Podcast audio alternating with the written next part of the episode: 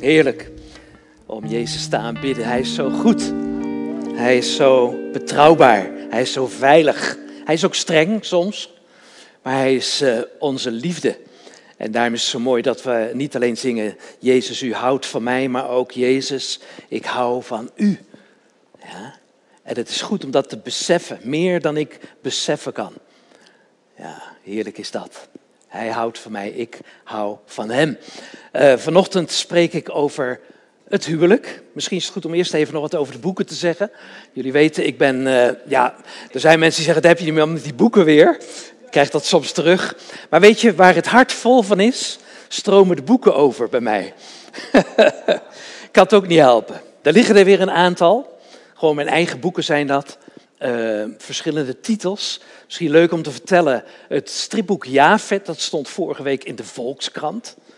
Hoe hou je dat voor mogelijk? In de Volkskrant een recensie, een positieve recensie over het stripboek Javet.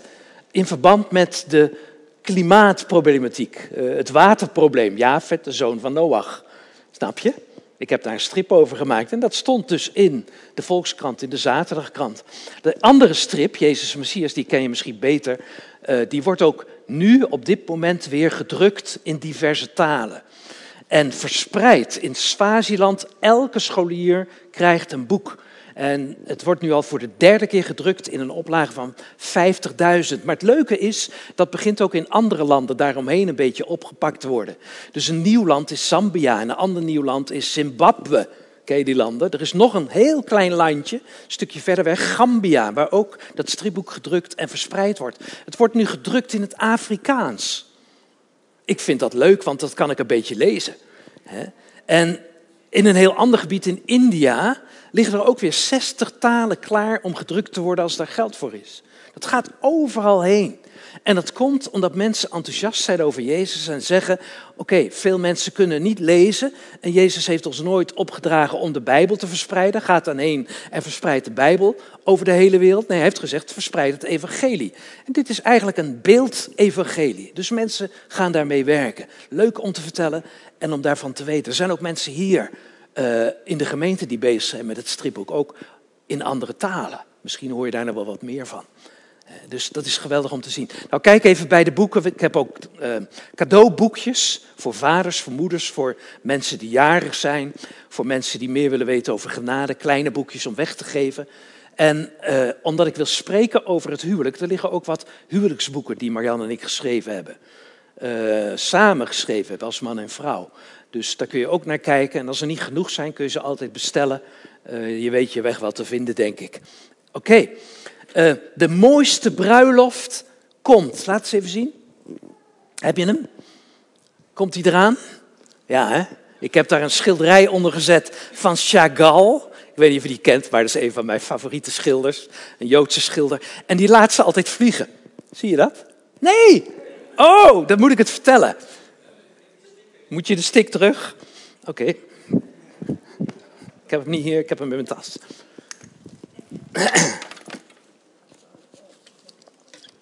Oké, hij komt eraan hoor. Ik ben helemaal vol vertrouwen. Nou weet je, dat schilderij wat je straks ziet, dat zijn gewoon twee mensen die vliegen over het dorp heen. Het Russische dorp van Chagall. Die laat gewoon zijn, zijn, uh, zijn bruid en hij zelf laat die vliegen, want hij heeft zichzelf geschilderd. Bella heet zijn bruid. Vind je dat leuk? Bella, hè? Mooi, hè? dat betekent het, hè? Niet belle en het beest, maar Bella en Chagall. En die laat ze vliegen. Kijk, oh, geweldig, daar is die. Zie je dat? Nou ja, weet je, ik vond het gewoon leuk om even te laten zien. We gaan naar de Bijbel en dan wil ik iets vertellen en iets uitleggen over de Joodse bruiloft. En als je hier zit en je denkt, ik heb niks met bruiloften, want ik ben niet getrouwd of ik ben gescheiden, um, of ik weet het nog niet, of ik heb verkering. Nou, dan heb je wel wat met een bruiloft misschien. Maar of je bent al jaren getrouwd of pas getrouwd. Dit is een boodschap voor iedereen. Want ik wil je eigenlijk meenemen wat, naar wat, ja, wat het grote plaatje is met het huwelijk. Want het is niet zo dat God heeft gezegd, nou ja, al die mensen die trouwen, laat ik eens bedenken hoe ik ze kan helpen om te begrijpen wie ik ben en hoe ik van ze hou. Laat ik het huwelijk als voorbeeld nemen. Nee, het is andersom. Wij trouwen, we komen bij elkaar, man en vrouw verbinden zich aan elkaar, omdat God zich verbindt aan mensen. Hij is degene die het huwelijk bedacht heeft, omdat hij het zelf doet. Wist je dat? En dat is zo leuk. Wij worden in de Bijbel de bruid genoemd, het bruidje. Wist je dat? Wij zijn het bruidje. Mannen, vind je het leuk of niet? Mwah! Ik wil liever de bruidegom zijn.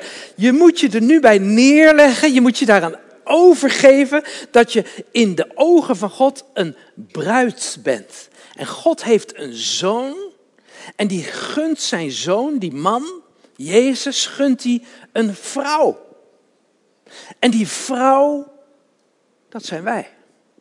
En hij heeft ervoor gezorgd dat die vrouw klaar komt, klaar is, klaargemaakt wordt voor die bruidegom.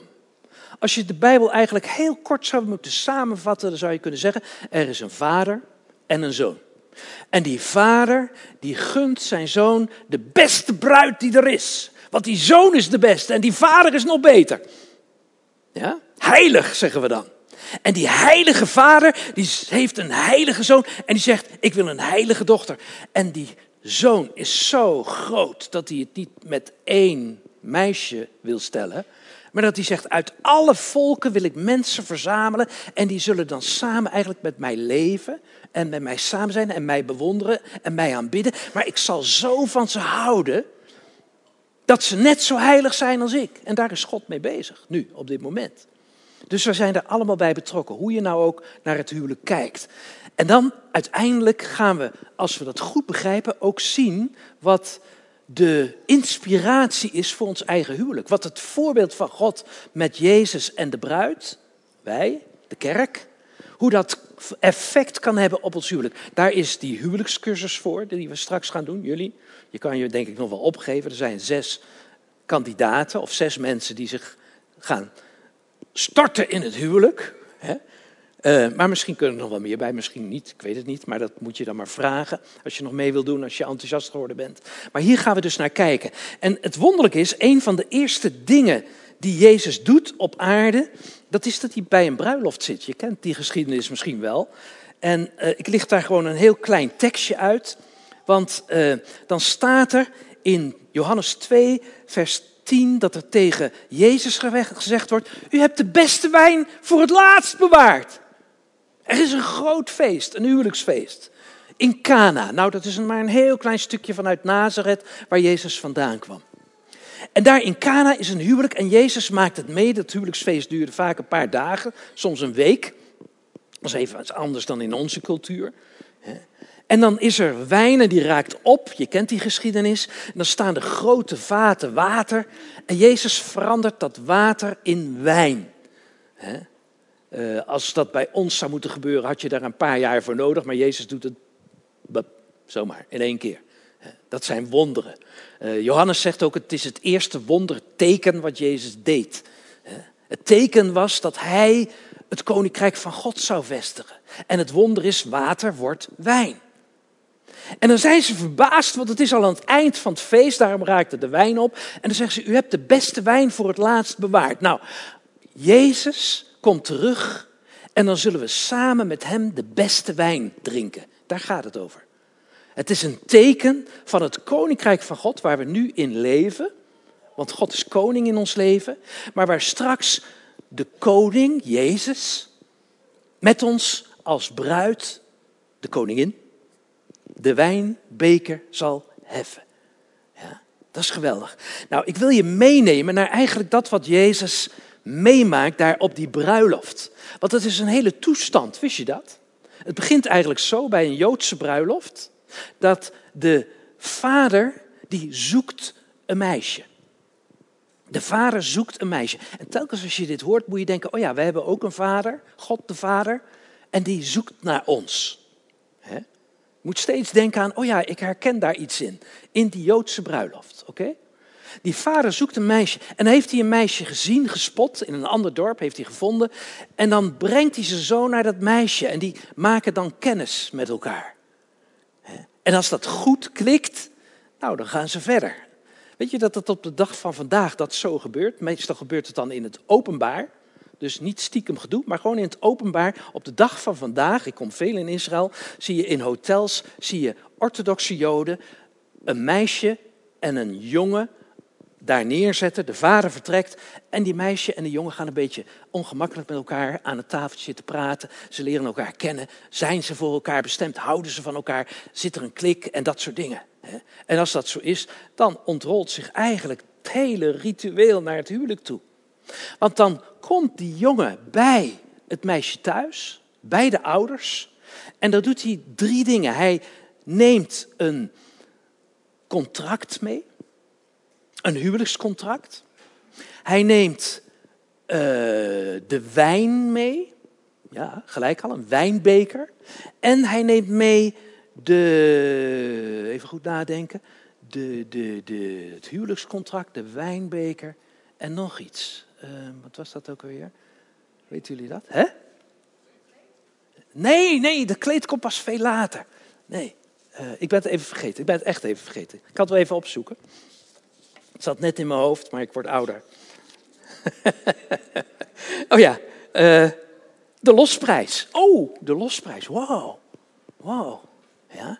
Nou, weet je, uh, dat contract is bijzonder. Want weet je, in dat huwelijkscontract, gelijk al, hè, daar komen ze dan mee. Hè, van, ik wil jou hebben, we gaan een afspraak maken. We gaan een besluit nemen. Als je wilt trouwen, dan neem je een besluit. En dat contract, dat zou je een verbond kunnen noemen.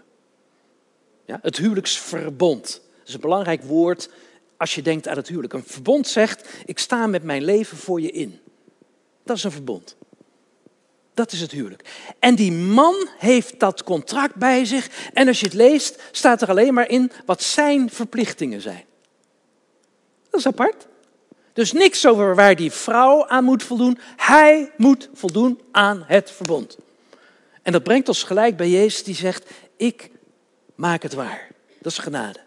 Niet jij, jij mag rusten in wat ik volbreng. En die complete wet, dat verbod, heeft Jezus volbracht. Zodat wij niet hoeven te zeggen, wat moet ik doen om te voldoen? Je voldoet al, je bent uitgekozen door die vader en door die zoon. Zo zit het meisje erin. En dan moet hij geld moet hij meenemen, dat geeft hij aan de familie, zodat die vrouw vrij is van de familie. De losprijs die Jezus betaald heeft. Zodat wij vrij zijn van alle claims van de wereld. Ja? Wat maak je nog druk wat je baas van je zegt? Je bent losgekocht. Pat, klaar, hup, eruit. Je hoort bij iemand anders. Ja? En dan is daar die beker wijn en dan klinken ze en dan drinken ze en die beker wijn blijft staan bij het meisje. Want die jongen vertrekt weer.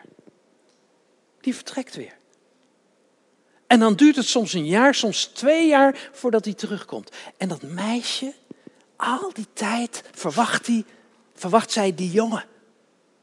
En ze zet in het raam zet ze een kaars neer, een kandelaar. En dat vuur, dat houdt ze brandend zolang de jongen er niet is. En dan kiest ze vriendinnen uit en die zetten ook in het raam een lampje klaar. Ja? De vriendinnen van de bruid, bruid zetten een lampje klaar. De maagden. Hè? Tien. Vijf dwazen, vijf wijzen. Ken je dat verhaal? Nou, dat komt daar vandaan. Oké? Dus die zetten dat ook in het raam. Weet je waarom?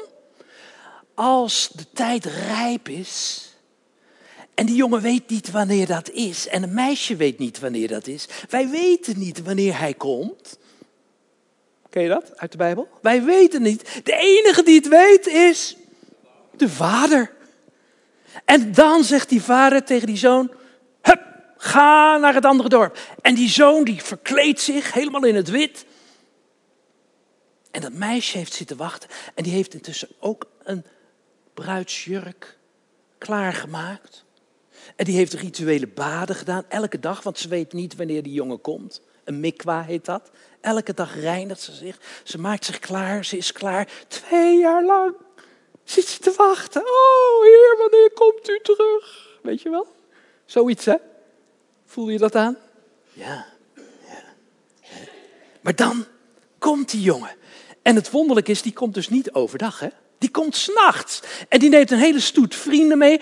En die vriend van uh, die jongen, die doet het op de shofar. Hè? Een bazuin schalde. Ken je dat? Uit openbaring. Er komt de bruidegom. Geweldig, hè? En iedereen roept dat. Al die vrienden gaan mee in de nacht. En die jongen heeft zich mooi gemaakt en het meisje is mooi. Maar dan moet ze dus wel klaarstaan. Bij de deur. En die jongen, die kijkt dan rond in het dorp. Waar was het huis ook weer? Oh ja, daar is het lamp, vlammetje. En dan komen die meiden naar buiten. En die ene meid komt naar buiten. En dan is dat zijn bruid. Die daar staat voor de deur. Zie, ik sta de deur en ik klop, doe open. Ken je dat? Het zijn allemaal bruidswoorden uit de Bijbel. Grappig, hè? Wij, wij, wij zien dat vaak helemaal niet, hè? Maar weet je wat nou die bruidegom intussen gedaan heeft, die twee jaar toen hij thuis was, bij zijn vader? Weet je dat? Ze hebben niet niks gedaan. Zij is bezig geweest met het kleed. Ze heeft er elke dag gewassen, want de jongen kan komen. Ze heeft een kandelaar neergezet. Houd je lamp brandend. Weet je wel, dat soort dingen allemaal. Wat verwacht je? Wie komt er straks aan in je leven? Gemeente, wat doe je met Jezus die komt? Ja? Maar die jongen die heeft thuis heeft hij iets gedaan. Ik vroeg even van wat heb ik ook alweer gepreekt in november. En gelukkig kwamen ze uh, uh, op de website kwamen ze dat tegen. Ik heb toen over dat Jezus voor iedereen een huis klaarmaakt. Waar je thuis kan zijn. Weet je dat nog? Ik vind het wel grappig dat ik dat toen preekte. Want daar gaat het nu over verder. Als je leest in Johannes 14, dat mag je projecteren. Dan staat daar. Wees niet ongerust. Maar vertrouw op God, de Vader en op mij. Als je hier nog bent, als je nog wacht. Als je nog in je huisje bent, je vlammetje en je badje en je kleren en dat soort dingen. Wees niet ongerust. In het huis van mijn vader zijn veel kamers. Zou ik anders gezegd hebben dat ik een plaats voor jullie gereed zal maken? Wanneer ik een plaats voor jullie gereed gemaakt heb, kom ik terug. En dan zal ik jullie met me meenemen. En dan zullen jullie zijn waar ik ben. Die zoon heeft thuis aan het huis van zijn vader een huis gebouwd. Zo ging dat in die tijd. Als je nu nog opgravingen in Israël ziet, zie je soms huizen met allemaal uitbouwen. Ja, het is soms net een honingraad. Allemaal zoons en kleinzoons weet je wat. Allemaal huizen voor die zonen die gaan trouwen met een meisje waar ze een kamer, een huis voor nodig hebben. Waar ze in passen, waar ze thuis kunnen zijn. En daar neemt die zoon dat meisje mee naartoe, naar het huis van de vader. To my father's house, to my father's house. Ken je dat liedje? Come and, come and go with me to my father's house. Ja, dat zijn oude gospels. Uh, die gaan over het huis van de vader. Het is, het is allemaal bruiloftstaal. Het is kostelijk om te zien eigenlijk. En wat een feest zit erin. Want dan gaan ze met die hele stoet, die meiden uit het dorp van het meisje, de jongens uit het dorp van uh, die jongen. Weet je, weet je dat we ook dat nog vandaag de dag in Israël zien? Dat een hele stoet jongens gaat dansen naar het meisje toe. Gewoon in zo'n hotel wat ze afgehuurd hebben, waar getrouwd wordt. Al die rituelen zie je nog steeds terug. En dan komen ze bij dat huis aan met die lampen, uh, in die mooie kleren. En het eerste wat er dan gebeurt, dat is dat de vader die twee zegent. Hij begroet ze met een zegen, want die is thuisgebleven. Hallo, welkom, God zal je zegenen. Zo, het beste van God is voor jullie. Dat is zegenen. Nou, dat is heerlijk, hè? Dus het meisje is welkom. En het volgende wat ze dan doen, dat is, zij krijgt een ring om aan haar rechterhand. Aan haar rechterhand. Oké? Moet je even onthouden. Als ik er niks meer over zeg, moet je zeggen, je bent vergeten iets over die ring te zeggen. Oké? Aan het eind. Dus aan zijn rechterhand krijgt zij een ring. Ja? En uh, ze is gesluierd. Hè? Ook onderweg is ze gesluierd. En dan komen ze inderdaad onder de, uh, uh, hoe heet dat? De, de groepa te staan. En dat is een gebedskleed waar je normaal over je hoofd doet als je gaat bidden, omdat God zo heilig is. En waarvan Malachi zegt, die, dat gebedskleed is, zijn de vleugels van God, die brengen genezing. Ja, dat is een heel mooi beeld. En dat gebedskleed, dat hebben ze dan over vier palen gehangen, zodat de bruid en de bruidegom daaronder kunnen staan. En dan ontstaat er een heel ritueel. Dus die zegen die is geweest. En dan gaat de sluier eraf. Ja? Dus eigenlijk is dan het verbond volbracht. Want Paulus zegt, zolang de sluier er nog voor zit, weet je niet wie Jezus is. ja, dan is de wet nog eigenlijk een sluier voor je ogen. Want je deugt niet, je bent niet goed genoeg, je moet voldoen. Maar Jezus heeft voldaan, de sluier gaat eraf. En dan zie je Jezus zoals die is. Oh, dat staat ook in de Bijbel. Wij zullen hem zien zoals die is. De sluier is weggenomen. Je bent, je bent helemaal goedgekeurd. Je bent helemaal goed in Gods ogen. Dat was je al vanaf het moment dat die bruidegom dat verbond sloot met jou in het huis van je vader en moeder. Ben je goedgekeurd. En is die zoon alleen maar met jou bezig geweest om je daar te brengen waar je thuis bent. In je vaders huis. Dat is onze toekomst. Hè? Die sluier gaat eraf en dan gebeurt er iets heel grappigs. We hebben dat in Israël wel eens gedaan, toen we daar een huwelijk sloten. Dan moet die vrouw, dat meisje, ze is nog steeds niet de vrouw van die man, maar die gaat dan zeven keer om die jongen heen lopen. Dansen eigenlijk, rennen. Zeven keer. Eén, vier, vijf, zes, zeven keer. En iedereen kijkt en klapt. Yeah, yeah. Dan denk je, nou ja, zeg, wat is dat voor flauwekul?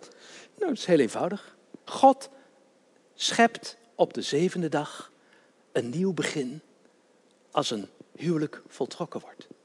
Snap je dat? God maakt een nieuwe schepping. Het huwelijk is een nieuwe schepping. Er is een nieuwe eenheid die recht van spreken heeft voor God. Of recht van spreken heeft voor de Vader. Een eigen huis, een eigen gezag, een eigen gebied, een eigen erfenis, land. Allemaal beschikbaar voor die man en die vrouw. Wij zullen met Jezus als koningen heersen. Ken je dat? Dat is onze toekomst.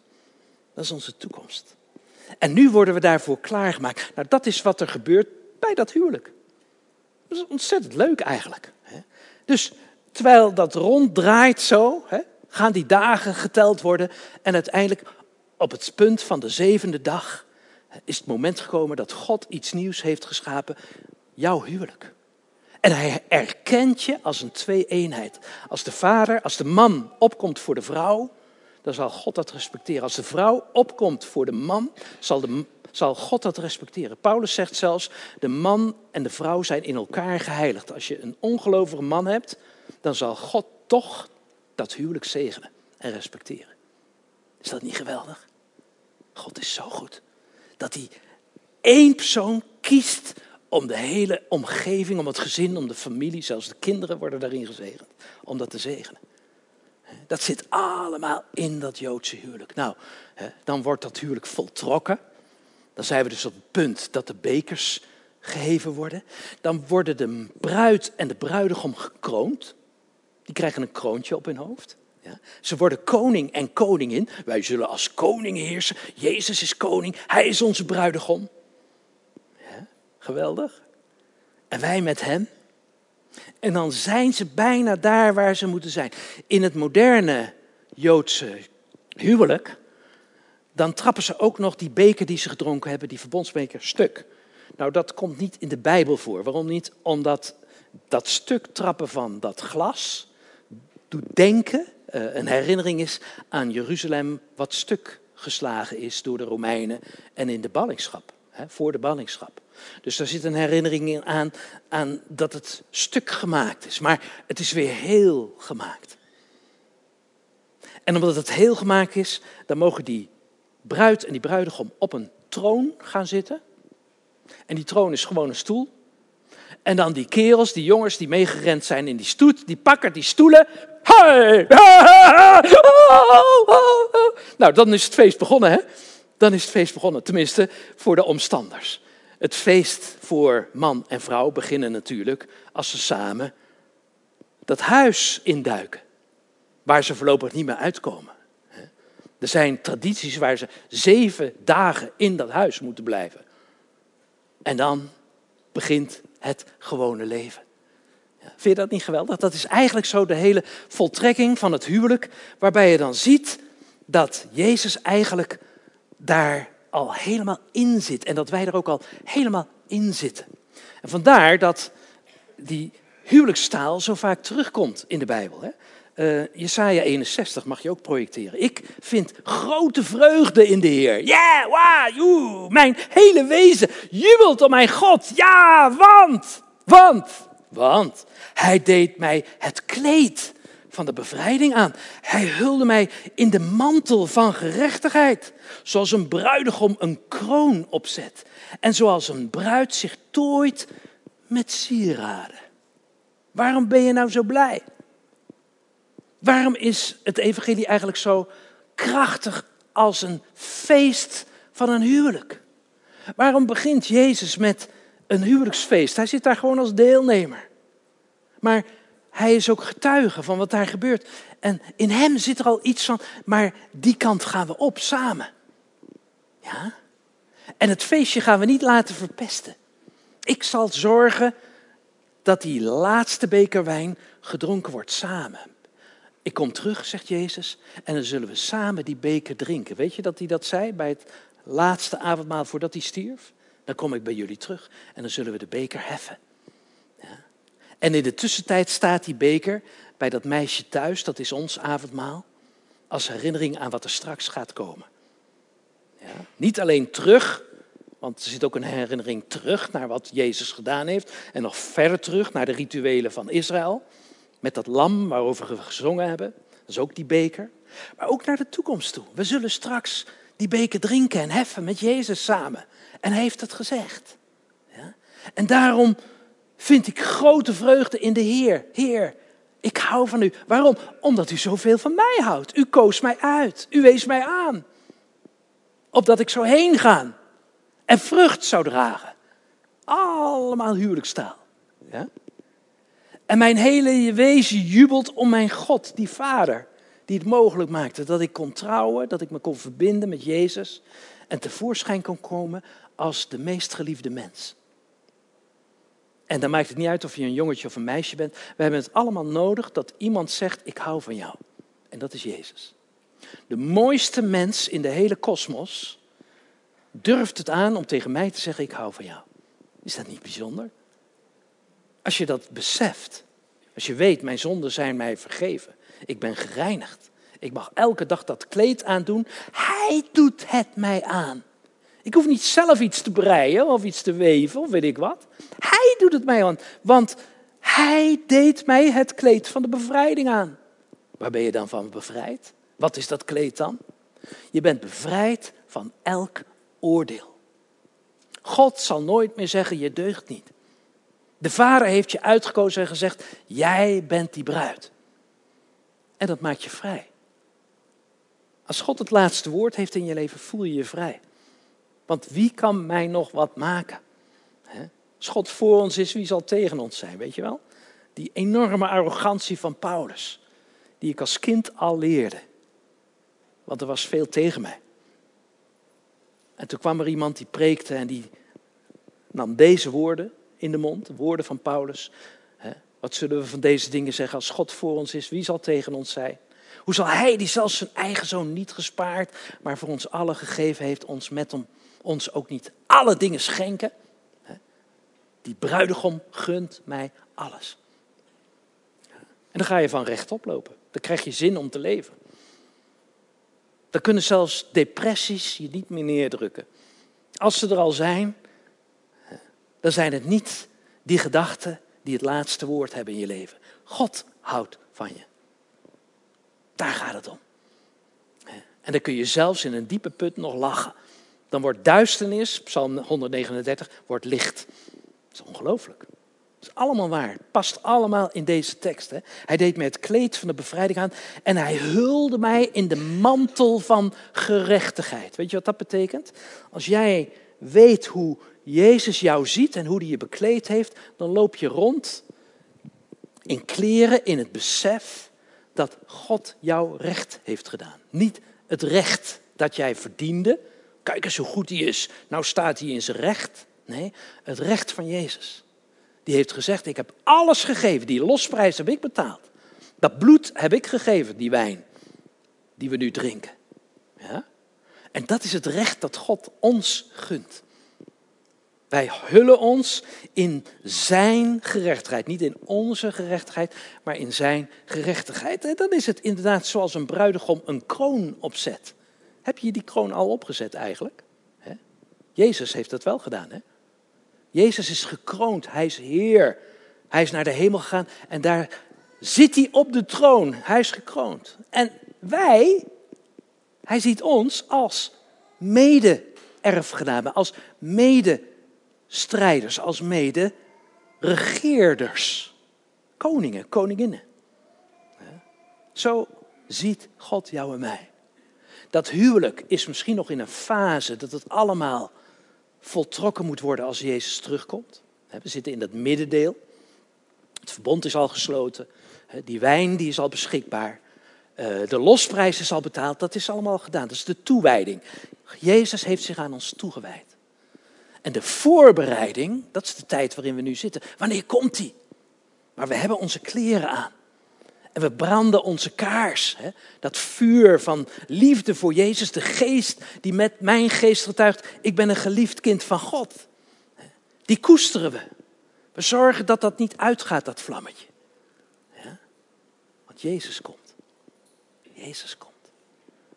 Nou, dat passen we dan toe op ons huwelijk. Hè? Paulus doet dat in Efeze 5, vers 32. Dit mysterie over het huwelijk zegt hij, is groot. En ik betrek het op Christus en de gemeente. Dan heeft hij van alles gezegd over het huwelijk. En dan zegt hij, maar weet je, als je nou begrijpt wat het huwelijk is, dan moet je kijken en blijven kijken naar Jezus, hoe die omgaat met de gemeente. De bruidegom, de hemelse bruidegom, hoe die omgaat met ons.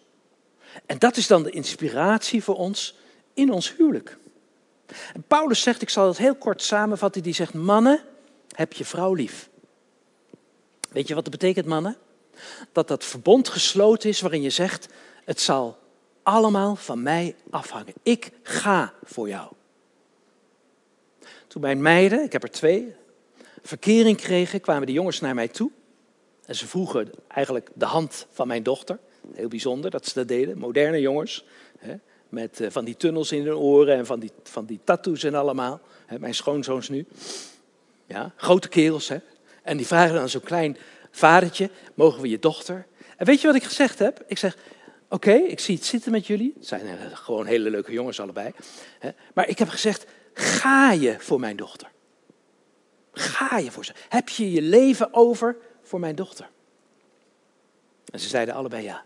Dat is het fundament waarop je als meisje ja zegt tegen die man. Als die man twijfelt, of je merkt hij vindt zichzelf belangrijker, of zijn computer, of zijn werk, of zijn hobby's, of zijn ouders, of weet ik wat, belangrijker dan jou, meiden, kappen. Ja, ga daar niet op in. Die man, ja, die man, die moet voor je gaan. En als je dat niet proeft, dan is er geen liefde. Liefde gaat tot het uiterste. Ja? En mannen die getrouwd zijn, misschien moet je iets bijstellen om zo met je vrouw om te gaan. Dat is wat Paulus zegt. Dat is wat Jezus deed. In de, uh, Johannes 13 zegt Johannes, de liefde die Jezus had voor zijn discipelen ging tot het uiterste.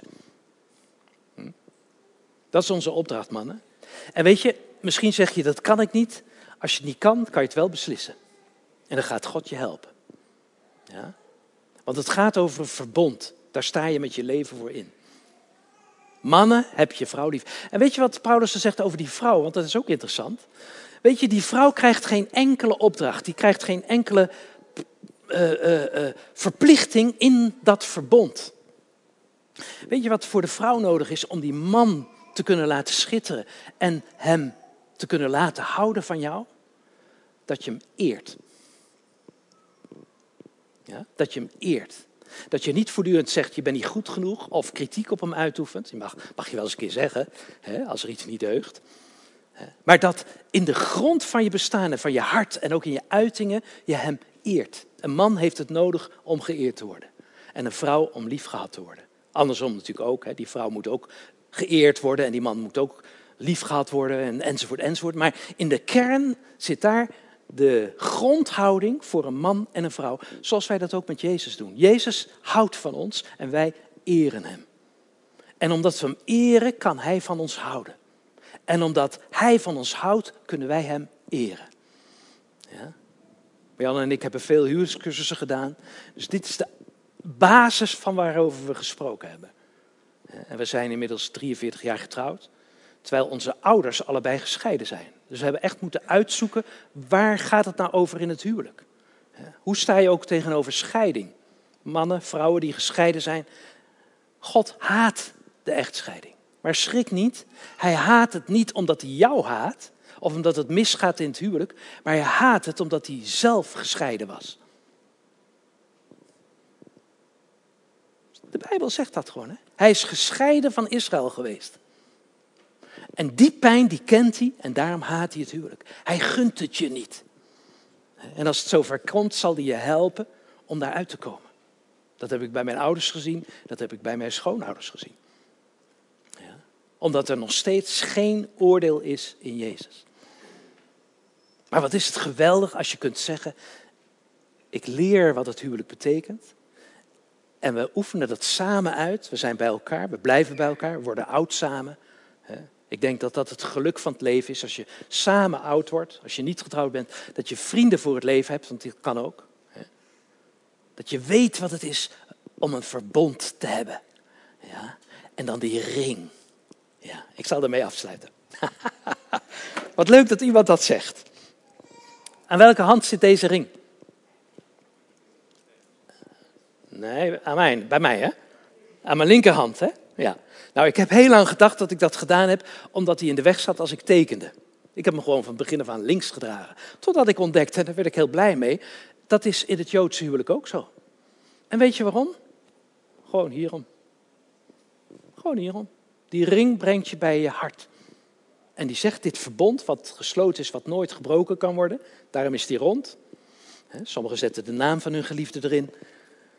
Die ligt bij mijn hart. Die ligt bij mijn hart. Zullen we bidden? Misschien kun je je hand op je hart leggen als je dat wil. Hoeft niet, maar het mag wel. Want dan bidden we, Heer, dat ons hart gericht mag zijn naar de juiste plek. Het hart van onze geliefde. En misschien moeten we opnieuw dat hartsverbond aanwakkeren en ons herinneren. Ik ga voor jou. Ik hou van jou als nummer één. Ik eer jou. En geef je waarde. En mag dat uit ons hart komen en ons hart ook vrijmaken, zodat we kunnen wandelen in dat kleed van bevrijding. In het recht dat u ons gunt, die mantel van gerechtigheid. Bid voor de huwelijke hier, Heer, hier, hier, Heer, dat u ze zegent en uh, plezier geeft ook in het samen zijn. En help ons, Heer, om de weg vrij te maken om naar elkaar toe te komen, naar elkaar toe te blijven komen, om te onderhouden, om te verdiepen, om te hechten, om blijdschap te vinden. Heer, zegen ook door onze houding naar elkaar toe, nieuwe generaties. Dank u, Jezus.